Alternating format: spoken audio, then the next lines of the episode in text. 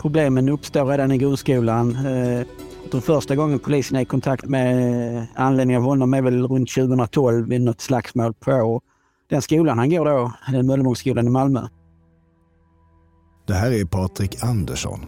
Han är kommissarie vid polisens underrättelsetjänst och beskriver hur mannen vi kallar boxaren först blev aktuell på allvar hos polisen. Boxaren är den utpekade ledaren för en grupp kriminella killar från Malmö som misstänks stå bakom flera mord och sprängningar på den spanska solkusten år 2018. Hos polisen fick de namnet Los Suecos, svenskarna. Nej, men jag tror lite grann att eh, han skulle väl kanske bygga ett liknande imperium som Scarface och Al Pacino då i de här filmerna. Liksom att, att man ser sig som eh, lite grann av en, eh, en gudfader. I det här avsnittet berättar vi om hur boxaren gick från att vara en småbrottsling i Malmö till att bli jagad av Interpol. I Malmös gangsterkrig blev boxaren skadskjuten på en trottoar i Sveriges värsta gangsterskjutning någonsin. Och sen eh, hör vi att det bara smäller. Alltså säkert 10, 15, kanske 20 skott. Sex män sköts på måndagskvällen ner utanför ett internetcafé på Värnhem i Malmö strax efter klockan åtta på kvällen. Trippelmordet på Drottninggatan där tre av hans vänner dog.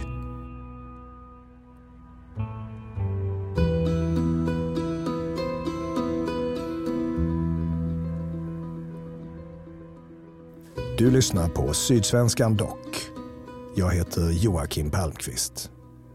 Detta är andra delen av tre om Los Suecos.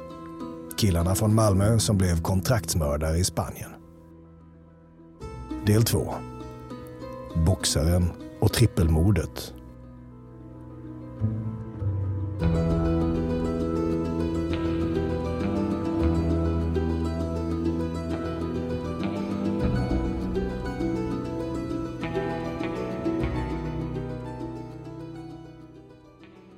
År 2012 är mannen vi kallar boxaren 15 år gammal. Han är född i Danmark men familjen flyttade till Malmö när han var åtta. Här växer han upp med sin äldre bror, pappa, styvmor och ett par styvsyskon. När polisen larmas till Möllevångsskolan den där septemberdagen 2012 lever boxaren ett till synes vanligt tonårsliv. Han varken dricker, röker eller knarkar ovanligt bland unga som är på väg in i grov kriminalitet. På fritiden tränar han boxning. Han är en talang sägs det. Och han umgås med kompisar på ett internetcafé. Under ytan finns en annan bild. Boxaren hänger med fel folk. Det tycker både pappan och socialtjänsten som gradvis tar en allt större plats i pojkens liv. Ja, rent polisiärt så har han gjort en, vad ska man säga, en klassisk resa. Redan när han är tio år gammal larmar skolan om att pojken är aggressiv och lätt hamnar i bråk med andra elever. Polisen skickar orosanmälningar till socialtjänsten gång på gång de följande åren. Det handlar om att boxaren kör moped utan hjälm, att han kastar sten, han spottar på folk. Han blir också gripen efter att ha bråkat med poliser som försökt avvisa honom från en plats. När polisen ingriper vid bråket på skolan 2012 stängs boxaren av från undervisningen. Samma dag stjäl han 30 datorer från skolan. I polisförhören nekar han stenhårt, trots att hans kompis, som också döms, erkänner. Boxarens rektor berättar att pojken aldrig erkänner ett fel. Rektorn kallar honom iskall. Patrik Andersson igen. Och eh, sen fortsätter den här då så att säga, klassiska resan med eh, eh rån, försök till rån, eh, LVU-placering, narkotikabrott. Det är så rullar det på. Och han är ju då föremål för tvångsåtgärder inom socialtjänsten. Samtidigt beskrivs boxaren som en av de smarta killarna. Social, trevlig, en som kan lyssna. I samtal med kuratorn och studievägledare pratar han om en framtid som VVS-montör. Så blir det inte. De följande åren arbetar han sig istället in i ett kriminellt nätverk. Boxaren får ett rykte som hänsynslös och våldsam och han vinner förtroende. Därmed också ansvar för större partier narkotika. I mars 2015 byggs det våldsamma ryktet på ytterligare. När vi anländer till platsen så eh, ligger där en man i 25-årsåldern på gatan och han är skjuten. En 24-årig man skjuts till döds nära Möllevångstorget i Malmö. Det är en uppgörelse mellan kriminella, som polisens välbekanta formulering ekar. Fram till nu har inte polisen sett boxaren som någon huvudspelare i Malmös undervärld. Våldsam? Ja. Kriminellt aktiv? Helt klart. Men mord? Det här är ju ganska så typiskt. Vissa av de här individerna eh, är ju ganska så offensiva, eh, medan andra inte gör så mycket väsen av sig. Det man ser senare är ju att i vissa avseenden så kan han föra sig ganska så klokt och eh, vid andra tillfällen så har han samma problem som många andra i hans situation, att topplocket går och då kan man inte behärska sig. Boxaren får fira sin 18-årsdag i häktet. Han kan knytas till både området och till offret. Vittnen har sett en man springa från mordplatsen och sticka iväg på moped. Men det räcker inte för att knyta boxaren till brottet. Efter flera månaders utredning släpps han i juli samma år. Malmös polischef Petra Stenkula. Och han eh, kan man säga gick lite under radarn från början tills polisområde Malmö fick upp ögonen för honom. Han var ju en mycket större spelare för eh, Malmö och Norden än vad vi trodde från början.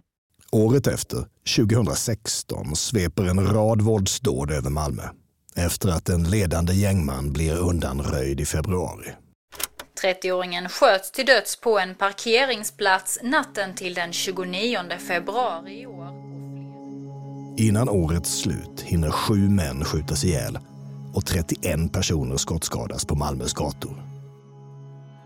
Initialt här så är inte han någon som vi följer eh, avsevärt mycket utan eh, vi har ju en situation 2016 eh, med ett antal mord i Malmö, bland annat på en av de tongivande aktörerna. Vilket i sin tur innebär att eh, det blir ett vakuum och i det här vakuumet som just då uppstår så eh, eh, blir det ännu fler mord. Här finns en chans för boxaren att nå toppen i den undre världen. Som 19-åring knyter han egna kontakter utomlands och riggar smuggling av stora laster cannabis till Sverige enligt underrättelseanalyserna hos polisen. Man hämtade hem den främsta narkotikan från Spanien. Och det var det som var utgångspunkten när vi började jobba med narkotikan. Men ofta kan man ha en diffus bild från början. Man säger att de lever över sina tillgångar, de har inga normala inkomster och de är ofta ganska flashiga med, med attribut, kläder, och bilar och smycken och motsvarande. Eh, och eh, de behöver göra av med pengar på något sätt och allting handlar om att, att leva eh, i den här kriminaliteten. Och de umgås ju i princip bara med, med kriminella. Boxarens namn dyker upp i allt fler insidertips från informatörer i den kriminella miljön. Ett exempel. Nära tusen kilo hash lagras vid en gård utanför Malmö. Det ska tillhöra boxaren. Stora mängder hittas också vid polisens tillslag. Men boxaren kan aldrig länkas till det. Bara mannen som hyr gården döms. 2016 så påbörjade vi en genomlysning av hela den kriminella eh, nätverksmiljön i Malmö och eh, får en väldigt bra bild eh, över vilka individer som ingår eh, och vilka som tillhör vad. Problemet är ju, att, som det är fortfarande, att man byter lo lojaliteter redan då. Så att det är svårt att, att bibehålla den här bilden. Men där börjar ju då eh, den här personen märkas. 2017 häktas han för ytterligare ett mord där motivet enligt misstankarna är en påhittad skuld. Den här gången flyr de två mördarna på cykel. Och även den här gången går boxaren loss efter flera månader i häkte. Även om vi har bra bevisning så ska saker och ting bevisas, vilket i sin tur leder till att det krävs stora utredningsresurser och stora tekniska resurser Eh, för att kunna presentera ett åtal så att åklagarna i sin tur ska kunna överbevisa domstolarna. Det, det kan se lätt ut att säga men det, nu har de ju allting, det här beviset och det här beviset. Men eh, domstolsförhandlingen ska genomföras och man ska övertyga rätten om att eh, det håller hela vägen. Hej, Ulf Kristersson här. På många sätt är det en mörk tid vi lever i. Men nu tar vi ett stort steg för att göra Sverige till en tryggare och säkrare plats. Sverige är nu medlem i Nato. En för alla, alla för en. Har du också valt att bli egen? Då är det viktigt att skaffa en bra företagsförsäkring. Hos oss är alla småföretag stora och inga frågor för små. Swedeas företagsförsäkring är anpassad för mindre företag och täcker även sånt som din hemförsäkring inte täcker. Gå in på swedea.se företag och jämför själv.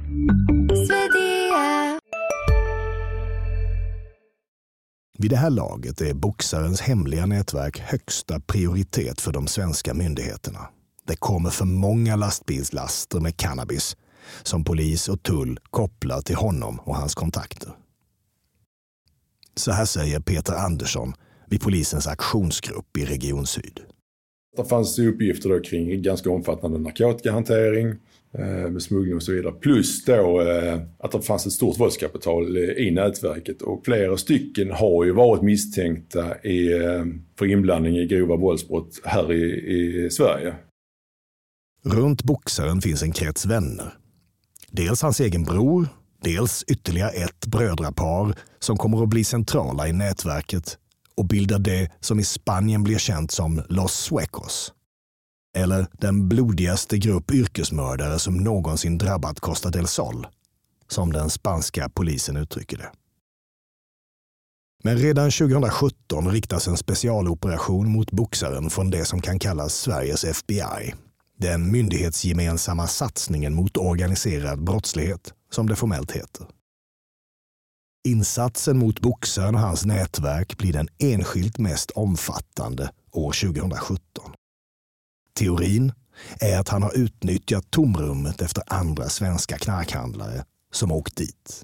Vi hade ju haft ganska framgångsrikt arbete mot flera olika kriminella nätverk i Malmö och under tiden så hade han lyckats bygga upp eh, en narkotikamarknad här och också kopplat till ett väldigt starkt våldskapital som, eh, som gjorde att han hade stor påverkan på situationen i Malmö. I spåren av boxarens framfart växer en våldsam konflikt i den undre världen. De är också giriga så tillvida att de nöjer sig inte med det lilla de har utan de vill hela tiden utöka sin marknad. Och för att göra det så behöver de också eh, ha ett våldskapital som gör att de skrämmer folk ja, skrämmer dem både till att vara delaktiga men också till att utföra olika tjänster till dem. Men det innebär också att de utsätter sig själva för ganska stor fara.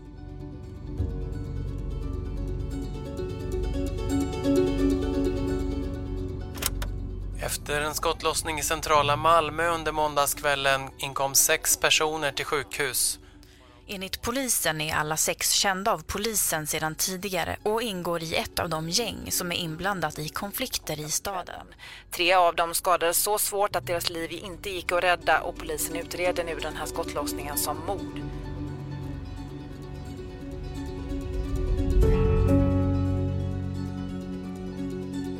Sommaren 2018 i juni då var det som så att det befann sig väldigt många människor på eh, Galaxy som var ett internetcafé. Eh, sitter där inne och spelar, eh, över 20 personer. Jag heter Jeanette Sprimong och jag är åklagare. Galaxy har varit ett tillhåll i många år. Här hänger boxaren och hans kompisar ofta. Runt klockan åtta på kvällen står de och röker på trottoaren utanför. När en grå Saab 9-5 rullar fram.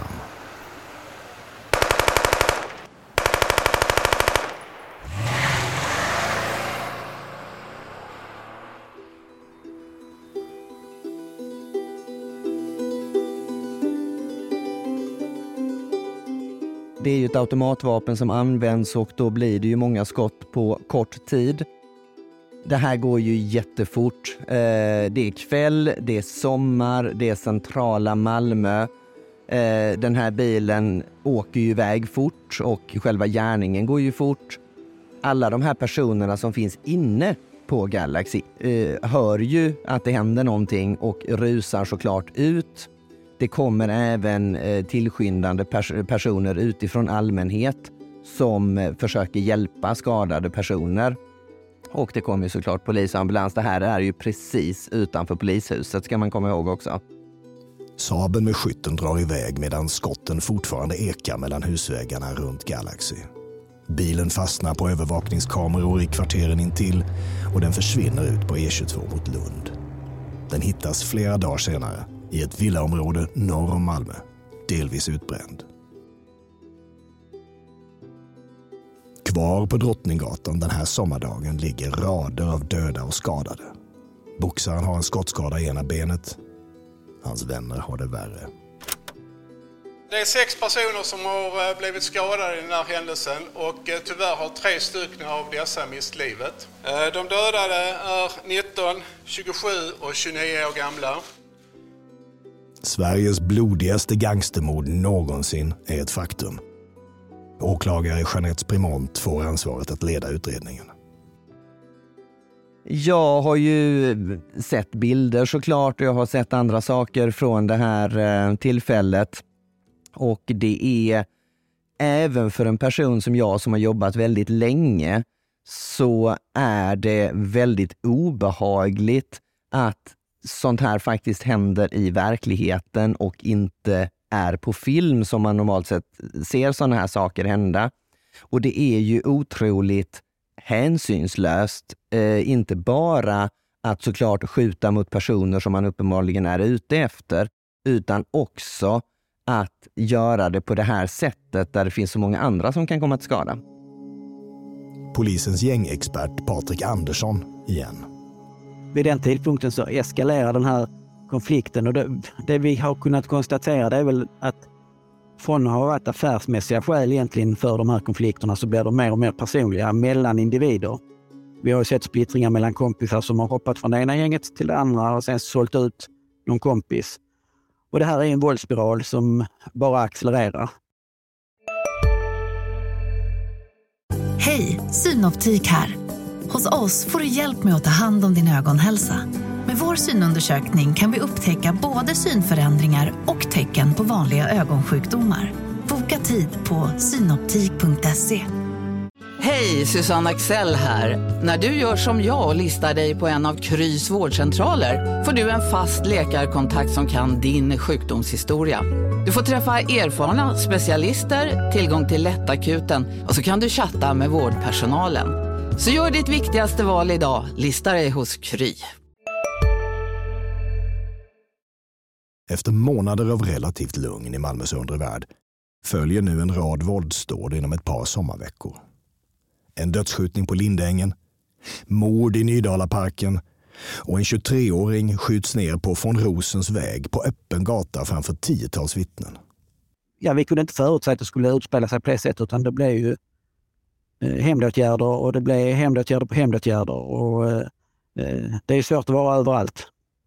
Och det märkte vi speciellt då. Ju. Flera av morden kopplas till den konflikt boxaren hamnat i med en annan knarkboss. Men då har huvudpersonen redan lämnat landet. Kastrups flygplats, juni 2018. Med bandage om sitt skottskadade ben haltar boxaren ombord på ett flygplan. Destination Malaga. Polisen har flaggat honom i hela Europa. Det betyder att det plingar till i datorerna när hans pass kollas hos gränspoliser. Det är en metod som används flitigt för att samla underrättelsematerial om svenska gängmän. När boxaren landar i Malaga finns spanska polisens spanare på plats. De ser honom hämtas upp av sina kumpaner.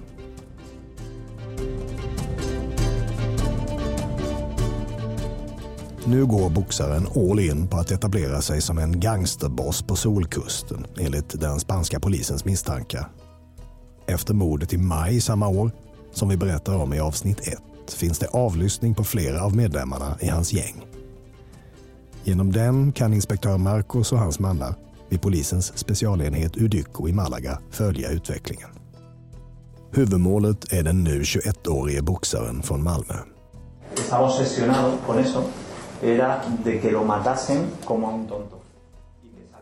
Han var besatt av tanken på att inte dö som en nobody, som en tönt att det skulle stå i tidningen att han dött som en tönt på ett café. Att hans fiender skulle skratta åt honom och säga “Titta på tönten, kolla hur han dog”. I nästa avsnitt berättar vi om Los Huecos blodiga framfart på Solkusten och Malmökillarnas koppling till en av världens tyngsta kriminella ledare. Mannen som kallas Dödsängeln.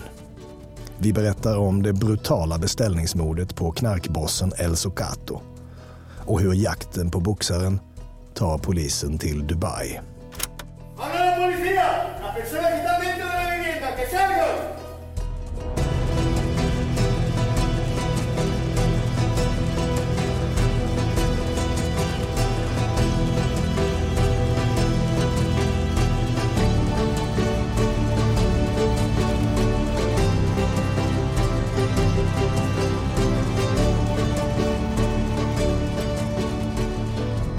Följ Sydsvenskan Dock i din poddspelare så att du inte missar nya avsnitt.